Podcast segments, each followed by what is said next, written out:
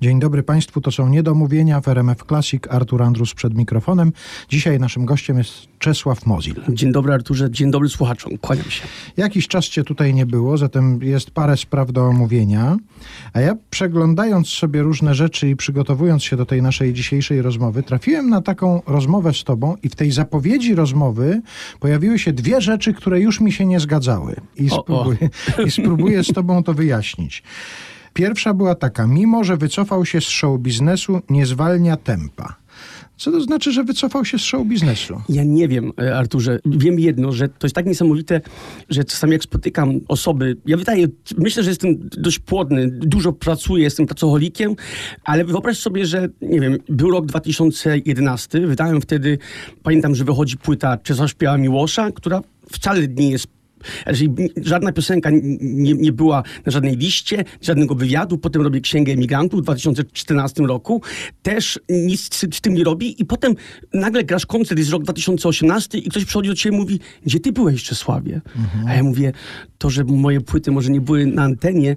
Ja, ja nie rozumiem, co znaczy się wycofać z show biznesu. Tego nie rozumiem, bo wydaje mi się, że show biznes jest wszędzie, czyli w Bezledach, gdzie grałem teraz w piątek, czyli przy granicy rosyjskiej, tak samo jak w Białymstoku i, i w całym naszym kraju. Tylko, że my jesteśmy, no, my, my żyjemy z tego, że my występujemy, prawda?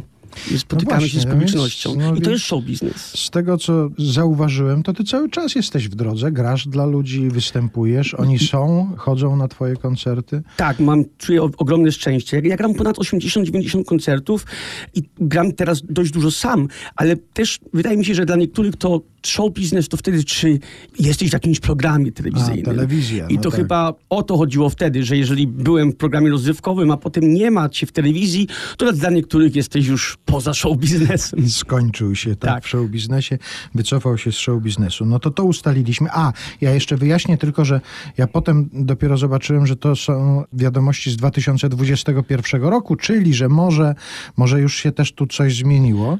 No i właśnie ta druga, która mnie zastanowiła, to było napisane trochę tęskni za telewizją, ale wierzy, że jeszcze do niej wróci.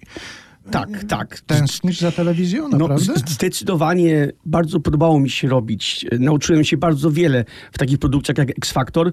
No i właśnie rok temu dosłownie dostałem propozycję, żeby być jurorem w takim programie Lego Masters, który sprawia mi ogromną frajdę. Znaczy, to było dla mnie niesamowite przeżycie, bo to jest taki program no, dla dzieci, ale też dla dorosłych nerdów. Dla, dla dorosłych, którzy mają fantastyczną wyobraźnię i budują fantastyczne rzeczy właśnie z klocków. Czekaj, wyjaśnijmy jeszcze, co to jest nerd, bo może nie każdy to No właśnie, pojmuje. przepraszam. Znaczy, podobno ja źle używam to sformułowanie, ale dla mnie nerd to jest taki zajawkowicz, czyli ktoś, kto ma pasję i żyje tą pasją i aż bym powiedział, że dla niektórych bycie nerdem jest wstydliwe, a znowu według mnie to ja się uznaję siebie powiedzmy za nerda, który zawsze grał na akordeonie. No to jest nas dwóch nerdów w tym studiu. Chyba ja tak. co prawda nie grałem na akordeonie, ale jest parę innych pasji. Za chwilę przejdziemy do takiego głównego powodu naszego spotkania i poinformujemy Państwa o czymś, co się niedługo wydarzy, ale ja chciałem wrócić do naszej rozmowy no sprzed już jakiegoś dłuższego czasu, kiedy ty z taką pasją, jak to nerdowie, jak już ustaliliśmy, mówią, opowiadałeś o takiej akcji Grajkowie Przyszłości. Ty się zaangażowałeś w to, jeździłeś po szkołach muzycznych po całej Polsce, zbierałeś orkiestry, nagrywałeś z nimi piosenki i co? I trwa? Grajkowie Przyszłości są? Dalej się toczy ta akcja? Tak, tak. E, Teraz jesienią, czyli dosłownie w grudniu, czy po koniec listopada ubiegłego ro- roku wydałem taką płytę Inwazja Nerdów. To jest cały czas Grajkowie przyszłości, to jest 700 dzieci z 10 różnych miast, ale tym razem to nie są piosenki świąteczne, tylko właśnie piosenki, które mówią o różnych pasjach młodych, czyli takie jak, nie wiem, jestem Batmanem, czy szybowanie, czy kuchnia dla sportu, czy o książkach, czy po prostu o grach komputerowych. I ten projekt cały czas jest i cały czas jeżdżę po miastach. Tym razem dostałem dużą pomoc od burmistrzów, od miast, które tak naprawdę wsparły finansowo ten projekt. I, I nie ukrywam, że jest to bardzo czasochłonne, bardzo wyczerpujące, ale daje mi to ogromną frajdę i wydaje mi się, że, że już powoli pracuję nad drugą częścią Inwazji Nerdów i mam nadzieję, że tak co 3-4 lata będę miał siły, żeby wydawać taką muzykę dziecięcą, która jest grana przez dzieci. Czyli głównymi bohaterami to są dzieci między 4 a 18 lat, ze szkół muzycznych, domów kultury. Więc wydałem płytę, mam też dla słuchaczy tutaj Jestem z tego bardzo dumny. A poczekaj, kiedy ta akcja twojego podróżowania po szkołach muzycznych, spotykania się z tymi młodymi ludźmi uczącymi się gry na instrumentach zaczęła się? Ile to już lat minęło? To jest gdzieś tak no 4, 4,5. Mhm. To było tak, czy to był 18 rok, wydaje mi się, przepraszam, to był grudzień 18 roku. Czyli to już jest taki czas, kiedy niektórzy z nich, z tych, z którymi się wtedy spotkałeś, pokończyli na przykład szkoły. Ależ tak, tak. I niektórzy już studiują na akademiach muzycznych. To jest niesamowite. Ja śledzę młodzież i niektórzy, wiadomo, niekoniecznie kontynuują przygodę z muzyką, ale idą w inne kierunki, a niektórzy tutaj z tych młodych ludzi, no to widać, że muzyka to będzie ich całe życie. No to sięgnijmy po tę płytę i jeden z utworów z tej płyty, na której to młodzi ludzie z, ze szkół muzycznych z całej Polski grają pod dyrekcją Czesława, można tak może, powiedzieć? Może, może inaczej. Może ja jestem pomysłodawcą i hmm. mam szczęście, że z Michałem Zabłockim, który pisze fantastyczne teksty tutaj. Michał pisze teksty, ja piszę muzykę, ale fantastyczne aranże robią moi koledzy, czyli tacy, hmm. no powiem inaczej, o wiele bardziej zdolni niż ja.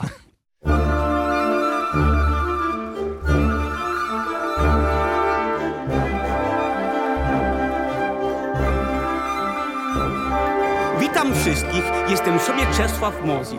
Prosty chłopak, wychowany w Kopenhadze, ale nawet tutaj, w naszej pięknej Polsce, jako tako do tej pory sobie radzę. Czy myślicie, że się stało tak dlatego, że jak wszyscy na podwórku grałem w nogę? To nieprawda, koleżanko i kolego, tej teorii dziś potwierdzić wam nie mogę. Oczywiście kopać piłkę każdy może i zabawę zespołową też pochwalmy, ale każdy musi mieć też coś własnego, w czym jedyny będzie i niepowtarzalny. Zostań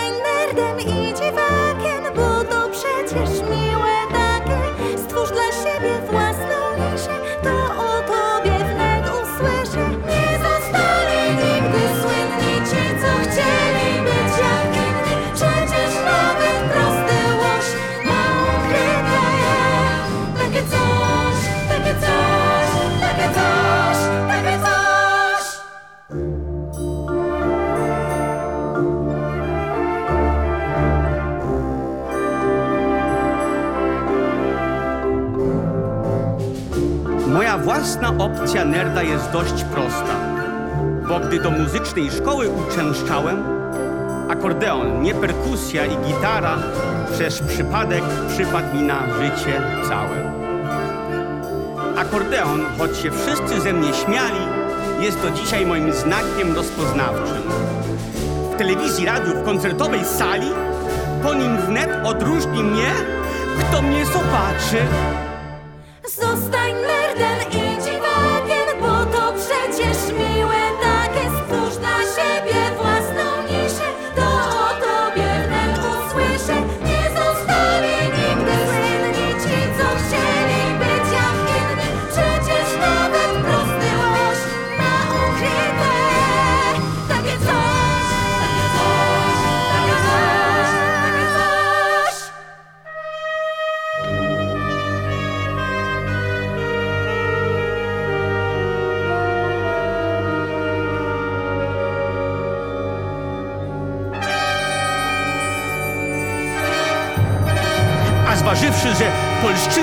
Wciąż mówiąc często, co na język niesie ślina, posługuję się tym obosięcznym mieczem i w efekcie jestem nerdem w dwóch dziedzinach.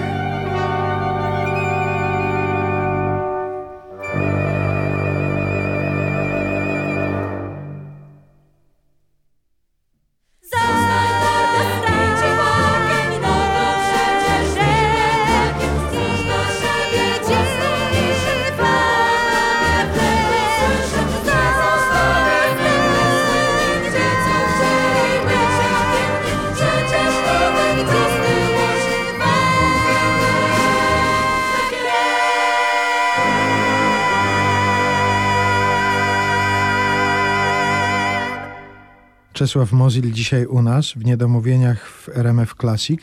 Jeszcze wracając do tej akcji, do tego, co stworzyłeś, czym się tak bardzo interesujesz i cały czas to trwa, czyli Grajkowie przyszłości, zastanawiałem się, czy by cię nie nie zainspirować, nie poprosić cię, bo wydajesz mi się jedyną osobą, która może do tego doprowadzić, sądząc po tym, co, co tutaj się wydarzyło, żeby zrobić jeszcze taką akcję Grajkowie Przyszłości Plus, skierowaną do ludzi na przykład, którzy przechodzą na emeryturę i chcą się zacząć uczyć grać na instrumentach.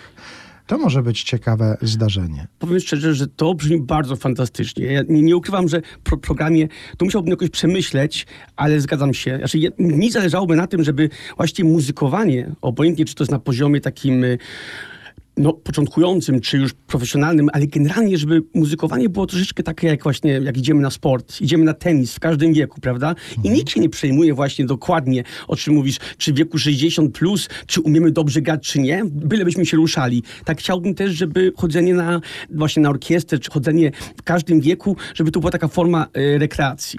Może to będzie jakiś pomysł, żeby jednych z drugimi połączyć, tych grajków w przyszłości bardzo młodych z tymi, którzy marzyli na przykład o graniu, a nigdy jakoś nie było okoliczności. Ja wpadłem na tę myśl wtedy, kiedy rozmawiałem z moją koleżanką, która właśnie mi opowiadała, że jej tata przeszedł na emeryturę i pierwsze co zrobił, to poszedł do ogniska muzycznego zapytać się, czy on się może uczyć grać na akordeonie. Ale super. Podpowiadam ci to i jeżeli by coś takiego się wydarzyło, naprawdę pomyślałem, że ty jesteś takim człowiekiem, który może do tego doprowadzić. Czad. Ja, ja się muszę przyznać, że ja kiedyś w Danii to byłem najmłodszy w takiej orkiestrze akordeonowej, która była prowadzona przez mojego nauczyciela, a to byli sami seniorzy. I ja byłem jako tam uczeń mojego nauczyciela i powiem ci, że dużo się nauczyłem, bo jeździliśmy na festiwale, graliśmy muzykę akordeonową, czyli jakiś aranż Beatlesów, a potem wiadomo było imprezowanie, a że ja jako najmłodszy, no to wiadomo kto latał po napoje. No to można się dużo nauczyć w takiej trasie. Ale wiesz, ja też jak obserwuję cię od lat i teraz słucham na przykład o tym, co cię tak fascynuje i co wymyśliłeś i co robisz z tymi grajkami przyszłości, to pomyślałem sobie, że ty jeździsz po Polsce z takim programem jak Solo Act. tak. Jesteś sam na scenie, śpiewasz, grasz. Natomiast wydaje mi się, że Czesław Mozil Solo Act to jest w przyrodzie niemożliwa rzecz. To znaczy, że ty bez ludzi nie istniejesz. Ty, ciebie ciągnie do ludzi. Ty, ty Tak. musisz być między ludźmi cały czas. No, no zdecydowanie. Wydaje mi się, że moja żona też tak zawsze twierdzi, że, że jestem uzależniony. Moja żona jest trochę intro, jak się mówi? Introwertykiem. Tak, introwertykiem, a ja znowu mam coś takiego, że tak, masz rację, Arturze, że ciągnie mnie do ludzi. Coś, coś co moją Dorotę może czasami y, męczyć, nie wiem, za dużo właśnie spotkań towarzyskich, a u mnie niektóre rzeczy po prostu inaczej spływają i mam innym. Nauczyłem się chyba przez te lata jakoś funkcjonować. I cały nasz zawód jest też taki, że przecież jeździmy i spotykamy dużo y, osób, z którymi dany wieczór wymieniamy energię, tak? Występ półtorej godziny, dwie godziny i tym sposobem zostajemy gdzieś tam może, mamy nadzieję, w pamięci u innych, ale też dostajemy dużo od publiczności.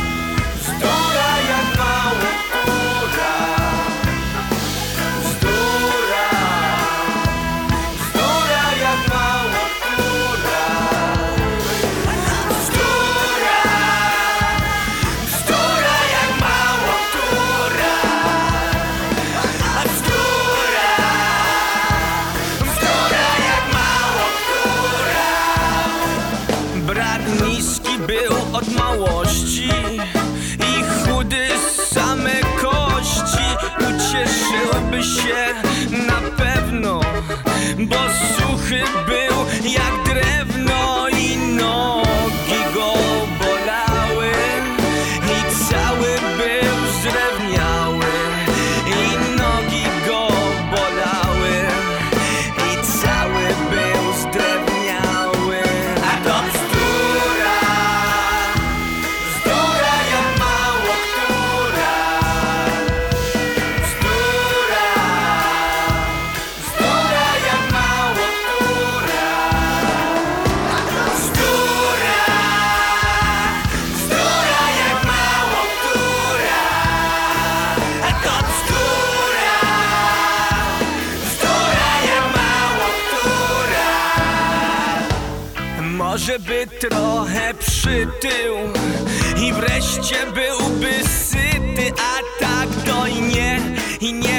nie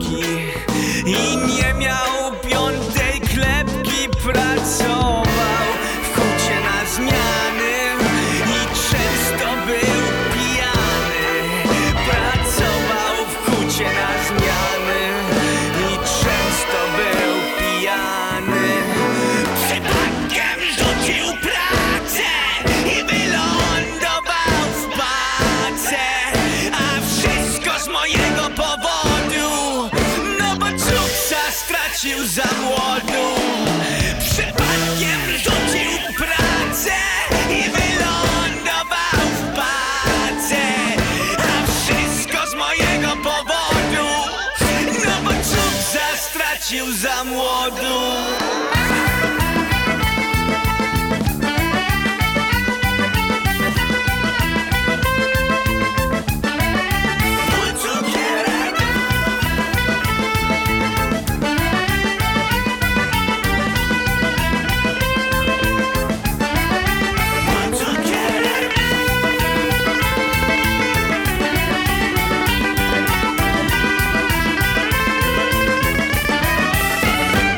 Czesław Mozil, dzisiaj u nas w Niedomówieniach w RMF Classic. No to teraz przechodzimy do tej informacji, która właściwie stała się trochę powodem naszego spotkania.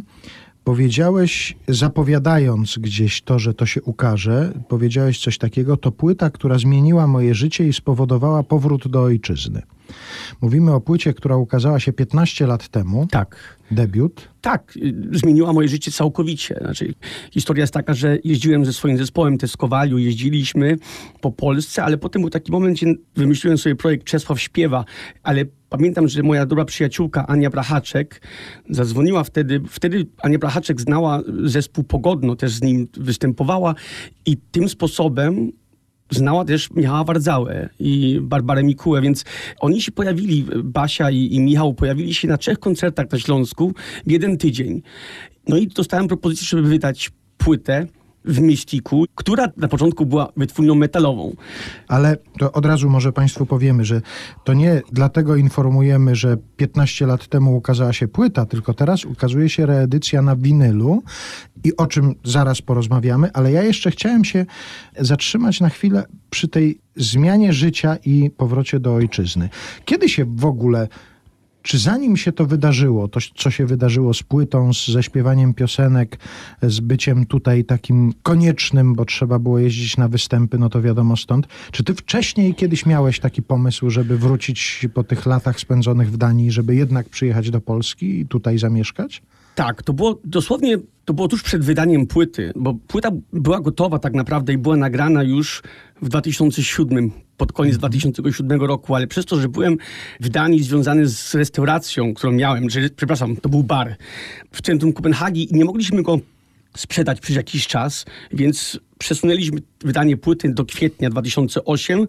Udało się nam sprzedać, to było tuż przed takim wielkim kryzysem i ja zawsze marzyłem o tym, żeby zamieszkać w Polsce trochę dłużej niż te dwa tygodnie czy trzy, bo przyjeżdżałem grać koncerty, ale chciałem spróbować zamieszkać. Mój, ojciec zawsze mówił, ale jak sobie wyobrażasz życie w Polsce? I ja mówiłem, tata, tata no, nauczyliście mnie że zawsze, że żadna praca nie hańbi, ale też nie ukrywam, że jeżeli mam teraz spróbować zamieszkać w Polsce, bo dla mnie to było wtedy bardzo emocjonalne, że chodząc ulicami, nie wiem, Krakowa, słyszałem, że wszyscy mówili po polsku, a ja jako młody chłopak, no to przeżywałem, że każda kobieta w Polsce mówi po polsku, czyli językiem mojej matki.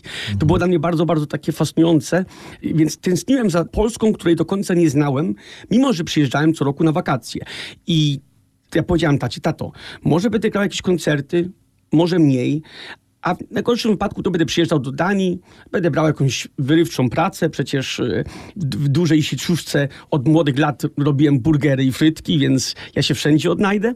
Po prostu powiedziałem, że tata, no to będę przyjeżdżał do Danii, żeby jakoś to połączyć, ale muszę spróbować. Ale nie spodziewałem się tego, co się wydarzy, wcale. Ale to wiesz, to by była konstrukcja, jakby to było tak, że ktoś z Danii wyjeżdża do Polski po to, żeby potem z Polski przyjeżdżać do Danii i zarabiać na życie. To jest konstrukcja zawodowa niebywała. Tak, tak, wydaje, tak i powiem ci, że to zawsze jest bardzo możliwe, nie ukrywam. No dobrze, no ale zdarzyło się zupełnie inaczej, bo pojawiła się ta płyta, no i sukces niebywały.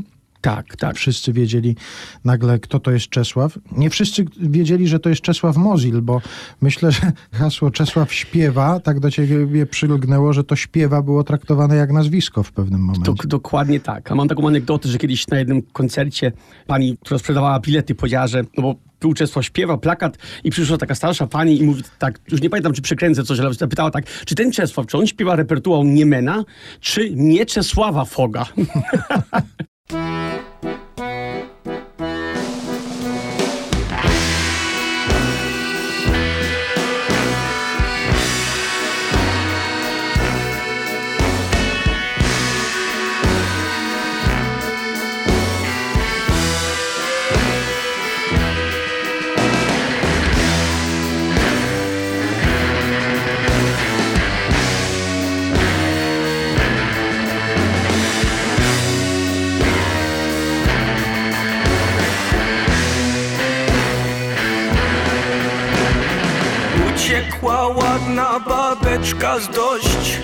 wesołego miasteczka.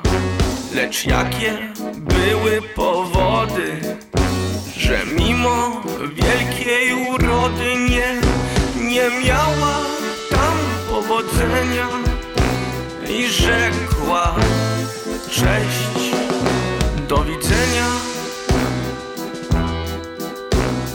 To chyba nie sprawa ceny ani wątpliwej higieny. Z pewnością ktoś ją przestraszył. Beta jej zgasił w kaszy, albo ją zalał, zalał winem lub innym jakimś płynem. Mógł też jej złamać paznokieć Wsadzić jej w oko łokieć Pokazać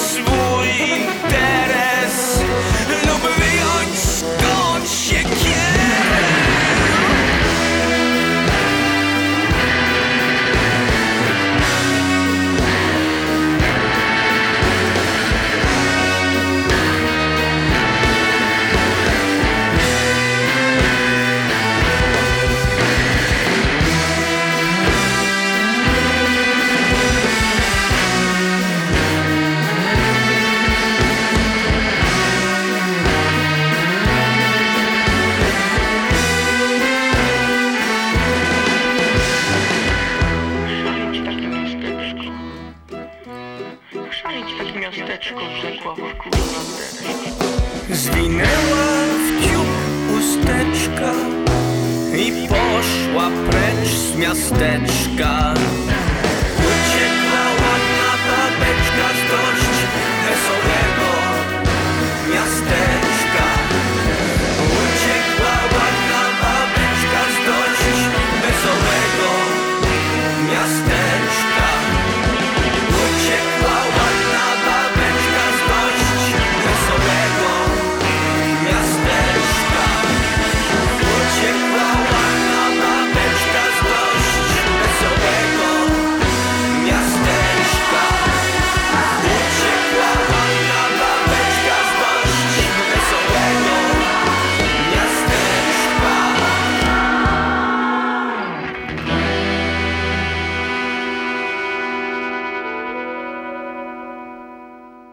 Debiut, tak się nazywała ta płyta.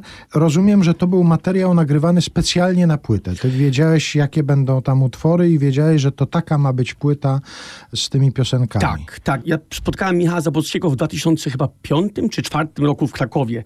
Graliśmy koncert w Alchemii i tam Michał wpadł na ostatnie 3-4 kawałki.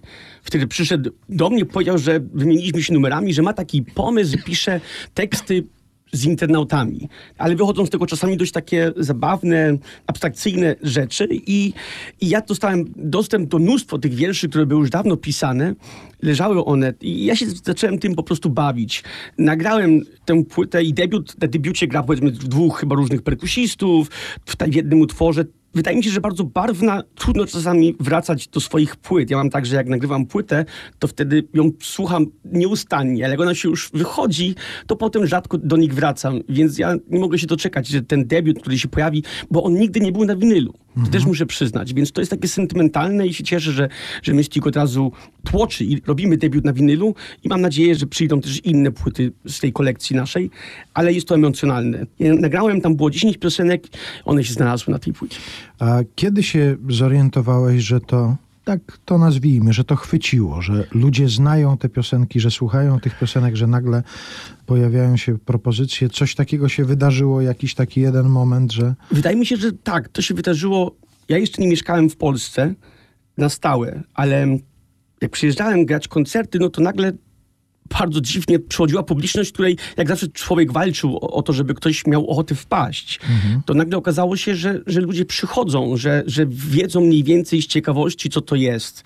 To było takie dość mocne przeżycie, bo, bo ja też nie ukrywam, że potem wszystko, co się działo później, to jest w takiej mgle, bo ja pamiętam, że ja tylko grałem koncerty i imprezowałem, ale jeszcze nie mieszkałem w Polsce, więc em, ja pamiętam, jak mi Mystic y, załatwili mi samochód, pamiętam, że było to w Support Festiwalu, taki stary, używany szaran Volkswagen, który po prostu potem mi służył naprawdę przez wiele lat. I ja pamiętam, że już wtedy, jak podpisaliśmy kontrakt i sprzedaliśmy kawiarnię, to było gdzieś w czerwcu, czyli dwa miesiące po wydaniu tej płyty.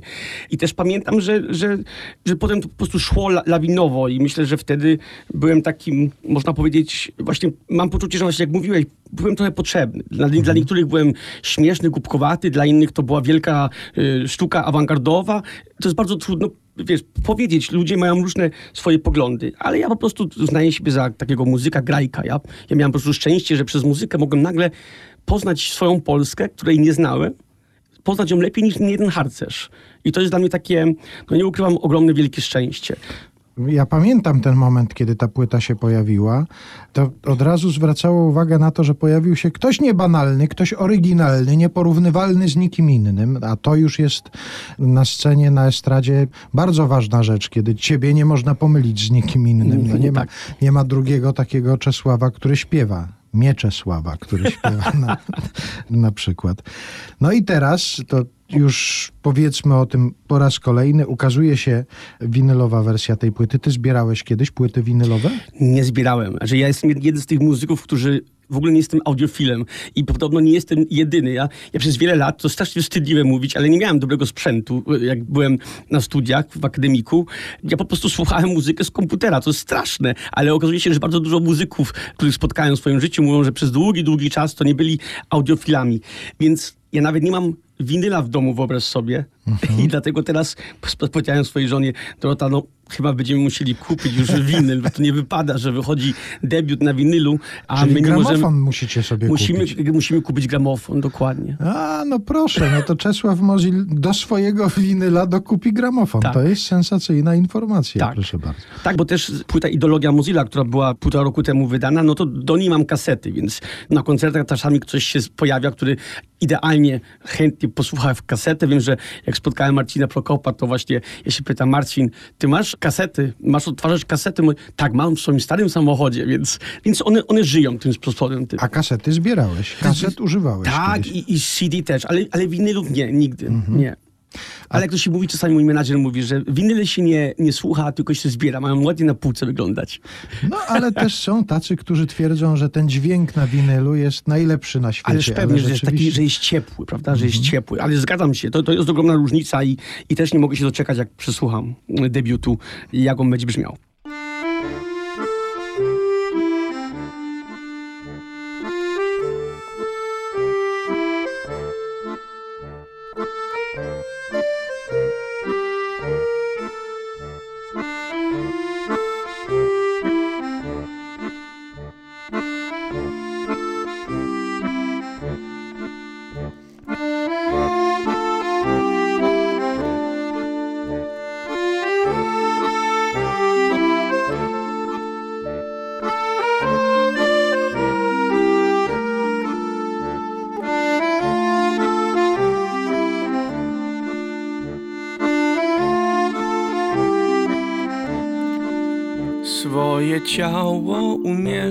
Sukience Wkładam nogi, piersi i ręce Ale głowę zostawiam na stole Bo bez głowy na miasto iść wolę bo bez głowy na miasto iść wolę.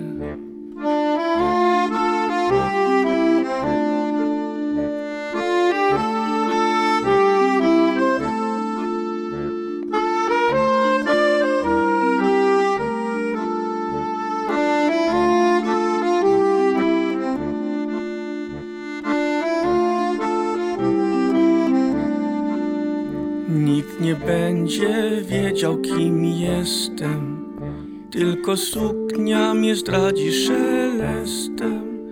Więc założę na szyję kapelusz. Po nim poznasz mnie dziś, przyjacielu. Po nim poznasz mnie dziś, przyjacielu. To dla ciebie ubieram się modnie. Nie w biustonosz, rajtuzy i spodnie To dla ciebie pomysły To dla ciebie straciłam głowę. To dla ciebie straciłam głowę. To dla ciebie straciłam głowę. To dla ciebie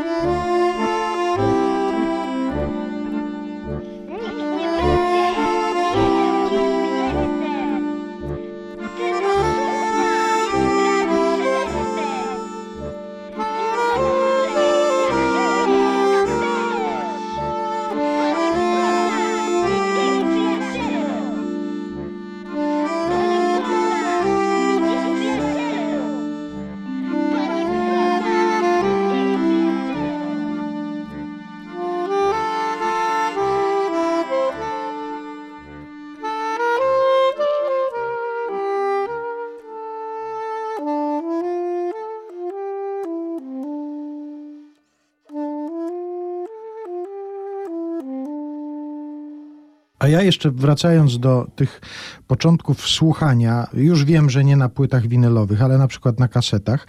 Czy wtedy, kiedy zaczynałeś słuchać po prostu muzyki takiej, jaka ci pasowała, jaka do ciebie docierała, wśród tego się coś zdarzało, co docierało z Polski też? Czy mieszkając w Danii jednak na zupełnie inne rejony muzyczne byłeś e, skierowany? Wiesz co, rodzice mieli bardzo dużo muzyki, więc ja takie rzeczy jak, jak piosenki Agnieszki Osieckiej, czy Niemena, czy no, wydaje mi się, że dużo muzyki rodzice mieli i to jakoś się mieliło u mnie, ale ja też pamiętam, że wiesz, ja przyjeżdżałem na wakacje do Polski już od 10-11 roku życia, tuż po 89, więc ja pamiętam, że płyty Heja po prostu kupowałem w tym momencie, gdzie Hej debiutował tam chyba 92, 93, więc mniej więcej się orientowałem, co i jak. Ale niestety tak jak to jest czasami z muzyką dla emigrantów, specjalnie wtedy, no ja tak zawsze śmieję się na swoich koncertach, to taka anegdota, ale mogę zdradzić, i, żeby nie obrażając tutaj ani ich troje, czy Piotra Lubika, ale bo mama mi pokazywała piosenki z Opola z lat 60., ale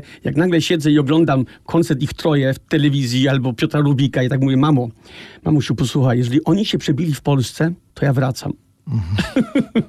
Wiemy mniej więcej, jaka muzyka była w domu, jaką ty sobie przywoziłeś na przykład z wakacji w Polsce. A co teraz cię, jeżeli chodzi o muzykę, najbardziej, nie wiem, fascynuje? Widzisz jakieś takie zjawiska, które robią na tobie dobre wrażenie? Zdecydowanie. Jeżeli, jeżeli chodzi o polską scenę, no to polska scena jest według mnie no, jest fantastyczna, bo mam 44 lata i jak oglądam i słyszę młodych muzyków i to naprawdę ich jest cudownie mnóstwo. No ja cieszę się, że taki muzyk jak Król wreszcie przebił się bardzo szeroko, bo ja pamiętam, że, że miał taki zespół kawałek Kulki chyba y, z Gorzoła Wielkopolskiego i pamiętam, że znałem, poznałem ich i bardzo kibicowałem i całe środowisko muzyczne wiedziało, że to jest fantastycznie zdolny człowiek. Tak samo jak, jak mogę zdradzić, że 16 lat temu Jacek Budyń, Szymkiewicz po prostu powiedział, że spotkał takiego chłopaka, który się nazywa Krzysztof Zalewski. Y, I wtedy całe środowisko wiedziało, że ten chłopak jest bardzo, bardzo zdolny. Ja sądzę, że Ra- Ralf Kamiński w tej chwili też jest ciekawym, bardzo wyrazistym i jest ich mnóstwo. A dodam, że z takich rzeczy, co na pewno y, słuchacze RMF Classic znają, no to Hania Rani robi ogromną karierę, ale taką, bym powiedział, taką, że trasa, którą Hania Rani teraz robi po świecie, no to mówimy o poważnych takich salach koncertowych i to jest też po prostu coś cudownego. Więc ja naprawdę mam świetną scenę muzyczną.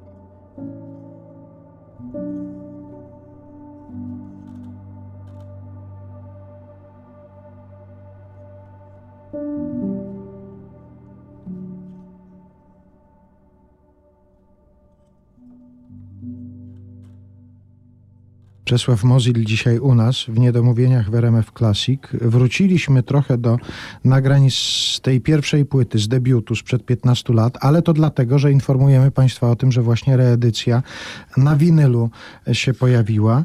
I jeszcze chciałem Cię zapytać o taką rzecz. Zaglądam sobie czasami, jak przygotowuję się do rozmów z gośćmi Niedomówień, do internetu. I tam zazwyczaj, jak się wpisuje imię i nazwisko gościa albo nazwę zespołu, to od razu pojawiają się też takie statystyki, o co najczęściej ludzie pytają w stosunku do tego. Aha. O, o, tam o rodzinę, ile ma wzrostu na przykład, Tak, tak, ile tak. ma lat i tak dalej. A jednym z pytań, które pojawiło się wśród tych twoich, kiedy wpisałem Czesław Mozil, było takie, z czego słynie Czesław Mozil? To słynie jest bardzo zobowiązujące tutaj. Boję się, nie wiem, czy to jest z, gry na akordeonie, A ja na odpowiedzi już nie patrzę. Aha, nie? rozumiem. Już nie sprawdzam Aha. tego, jakie tam są czyli odpowiedzi. z czego słynie, tak? z czego słynie Czesław Mozil. Jakbyś chciał sobie wymyślić, z czego chciałby słynąć Czesław Mozil, co by było najważniejsze w tym twoim zawodowym życiu, w tej twojej twórczości, z czego chciałbyś słynąć i gdyby tak ktoś wpisał sobie w internecie, z czego słynie Czesław Mozil, to się powinno pojawić. Co?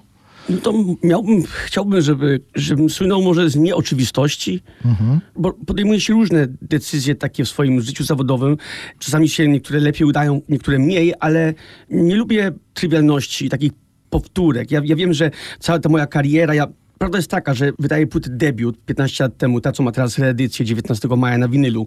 Wtedy jeszcze dla niektórych byłem muzykiem, ale potem jak staję się panem z telewizji, bo jestem jurorem w X-Faktorze, to już nie jestem muzykiem dla niektórych, to już jestem no, komercją. I tak można mówić. Ja myślę, że na pewno wiem, że będę słynął dla całej części młodszego pokolenia, to ja jestem po prostu już nie Czesławem Mozilem, który jest muzykiem, tylko jestem Bałankiem Olafem. I, I nie ukrywam, że to ma taką ogromną siłę, że naprawdę jestem z tego przeszczęśliwy, a był moment, gdzie nawet myślałem, Boże, to, to jest koniec mojej kariery, że jak dla każdego po prostu bałwankiem Olafem, ale potem widzę, że ta młodzież też dorasta i mają sentyment z tym, więc to jest trudny temat, ale chciałbym nie być oczywisty, tak mi się wydaje. No ale to jest piękne. Słynąć z nieoczywistości, to No. życzę ci tego, żeby tak kiedyś się pojawiało od razu w internecie. Czesław Mozil słynie z nieoczywistości. A co do bałwanka Olafa, coś były jakieś dalsze próby, pomysły, żeby, żeby gdzieś do... No, ale Arturze, przecież kilka lat temu była premiera drugiej już Krainy Lodu. A oprócz tego, y, ale tu chodzi ci o, o, czy będzie trzecia część? Na przykład? Ja słyszałem ploty, że, że, że będzie, to już jest Disney, ale nie ukrywam, że chciałbym, bo to jest dla mnie ogromna przygoda i bym powiedział, że bycie częścią takiej narracji, jak- właśnie Kraina Lodu, no, no to jest coś, co nie ukrywam, spełnienia marzeń. Jeżeli, jeżeli o czymś nie wiedziałem jako dziecko, ale potem jako dorosły, to patrzyłem i zawsze myślałem, ale mają szczęście, Maciej Szczur, nie porównując, bo ja nie jestem aktorem, żeby dodać tutaj, ja wcale się nie porównuję z Maciejem Szczurem, ale znam taką narrację, gdzie kiedyś Maciej Szczur był w Stanach, był jakiś casting roli i pytają się, co Maciej w czym grał, no to Maciej mówi, w tym grał, w tym grał, w tym grał, znany w duże filmy, ale jak powiedział, że jest jakąś postacią w danym e, bajce Disneya, to wtedy był szacunek. Okej. A ja mam taką anegdotę, że wiozłem teraz po agresji e, Rosji na Ukrainę, wiozłem dwa razy dziennikarzy z CBC. Dostałem taki kontakt i podjeżdżam pod hotel Continental, odbieram dziennikarza kanadyjskiego, do Lwowa mamy jechać, oni potem jadą dalej na front i jego bodyguarda, Anglika Jasona. No i przekraczamy granicę polsko-ukraińską i kierowca autobusu, czyli ja. Nagle przez 25 minut robię sobie zdjęcia i sweet fotę z całą służbą, która jest ten dzień na straży, y, strażą, czyli na granicy polsko-ukraińskiej. I tak wracam do samochodu, jedziemy dalej do Lwowa i oni się pytają, ty jesteś sławny w Polsce? A ja mówię, wiesz to kiedyś byłem bardziej sławny, ale jestem muzykiem, czasami się wygłupiam w telewizji i tak nie docierało do nich. Ale jak powiedziałem, ale wiecie co, jestem bałwankiem Olafem w polskiej wersji Krain Lodu. To siedział ten dziennikarz, który normalnie lata z prezydentem Kanady, to jest dziennikarz taki wojenny i on siedział przez, godzinę, oglądali filmiki. No way, it's you! I, i dzwonią do rodziny, ten Jason, ten pan ochroniarz dzwoni do rodziny. Kochana, kochana, ty nie uwierzysz, nasz kierowca jest bałwankiem Olafem! Więc to naprawdę było coś pięknego. Ale no to sława międzynarodowa, jak widać, przychodzi takimi drogami. Jak Tak. dokładnie tak. Wtedy był szacunek i wtedy wiedzieli, że jednak być bałwankiem Olafem to nie takie hopsiu. No co ty?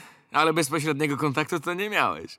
No nie, ale lubię czasem zamknąć gałki i se się sobie wyobrazić w środku totalnej skwary.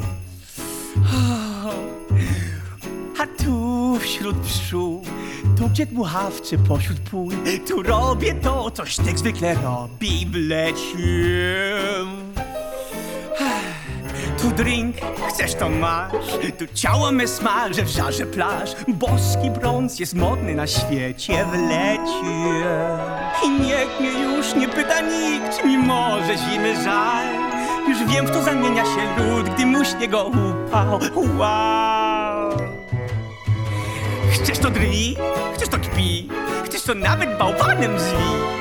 Powiem węzłowa, to ja na to jak na lato ra, ra, ra.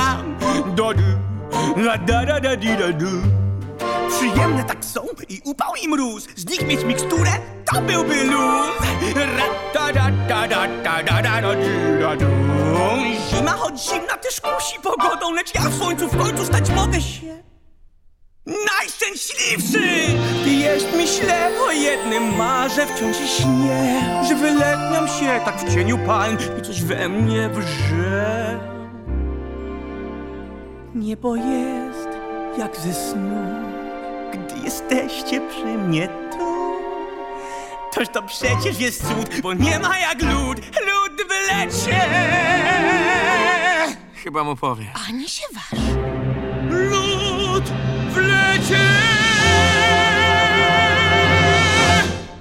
Tu się znienacka pojawił ten wątek twojego zaangażowania. No wtedy wszyscy rzeczywiście angażowali się jak potrafili w pomoc w tej sytuacji, kiedy wojna wybuchła. A to ciebie jak to, jak to zastało i co się wydarzyło wtedy? No, ja nie ukrywam, że pierwsze dni no, nie spałem. Mój ojciec się urodził w Lwowie, mój tata jest Ukraińcem. Moja kuzynka, jak dzwoniłem 24 lutego do Oksany, która mieszka w domu dziadków w Lwowie, ja mówię, Oksana, przyjeżdżaj do Danii. Twój wujek, mój ojciec, czeka na ciebie. I Oksana wtedy powiedziała, Czesławie, ty nie rozumiesz, ja się nigdzie nie wybieram. To jest mój dom, i ja czekam na tych, którzy ewentualnie chcą mi dom odebrać. Więc to było bardzo emocjonalne, jak mój kolega Arek spotkał o trzeciej w nocy w pełnym pociągu z Warszawy do Malborka Walerię. Waleria była dziennikarką muzyczną w Kijowie, a jej, jej siostra prowadziła przez 20 lat program publicystyczny od poniedziałku do piątku o godzinie 8. I Waleria teraz, która pracuje z CBC, Canadian Broadcasting Company, no szukała kierowców, którzy mogli do granicy albo do Lwowa zawieźć i wracać następny dzień, bo z Lwowa jechali potem na front. No i tak moja przygoda się jakby zaczęła, że dwa razy, raz odebrałem w sobotę rano o godzinie 8 pod Hotel Continental w Warszawie, odebrałem właśnie dziennikarza kanadyjskiego, który lata normalnie z prezydentem Kanady i jego angielskiego bodyguarda, to jest Jason, który przez 13 lat był w Iraku. Teraz był freelancerem i miał takie walizki ze sobą, więc zgadywałem, co tam może w nich być. I tym sposobem właśnie dwa razy byłem w Lwowie z kanadyjskimi dziennikarzami, miałem hotel i następny dzień wracałem. A tym sposobem też mogłem odwiedzić swoją kuzynkę Oksanę wieczorem, jak już miałem wolne w Lwowie. I to było bardzo emocjonalne, bo wiadomo, syreny piały w całym Lwowie, ale, ale ludzie się opalali i byli w restauracjach. No, to też było dla mnie mocne przeżycie. I u Oksany wszystko w porządku. U Oksany jest wszystko w porządku, pracuje, e, no jest bardzo taka waleczna i, i nie ukrywam, no ja taki nie jestem i ja przyznam, że tak żartuję na swoich koncertach, mam nadzieję, że nikogo nie obrażę, ale ja, ja, ja mam polski i duński paszport i tak mówię, że ja z tym duńskim i polskim ostatnio to tak śpię pod poduszką, więc to są trudne czasy i też łatwo się przyzwyczaić, a na swoich koncertach czasami mówię, szanowni państwo, ja dzisiaj ani razu nie myślałem o agresji Rosji na Ukrainę, a trzy razy o swojej racie kredytu i to tak. jest zawstydzające. Codzienność, Tak. Codzienność, która przychodzi po tak długim czasie, kiedy słuchamy wiadomości stamtąd. Ale rzeczywiście warto się trzymać tego, żeby się nie przyzwyczaić za Tak, bardzo do tak, tej jak myśli. najbardziej. Bardzo Ci dziękuję za to spotkanie. Dziękuję Arturze, bardzo mi miło, dziękuję. I jeszcze raz przypominamy, że właśnie ukazuje się reedycja, winylowa reedycja płyty debiut sprzed 15 lat. Czesław śpiewa. Tak. E, Czesław śpiewa na winylu. Mamy dla Państwa w upominku, proszę pisać w tej sprawie do redakcja małpa rmfclassic.pl i jeszcze rozumiem, że możemy też w prezencie dołączyć grajków przyszłości. I jak najbardziej. To jest inwazja nerdów i to jest płyta, na której gra 700 dzieci z 10 różnych miast. A, no właśnie, bo to dwóch nerdów w studiu dzisiaj Tak, dokładnie. Dzięki serdecznie. Dzięki Arturze.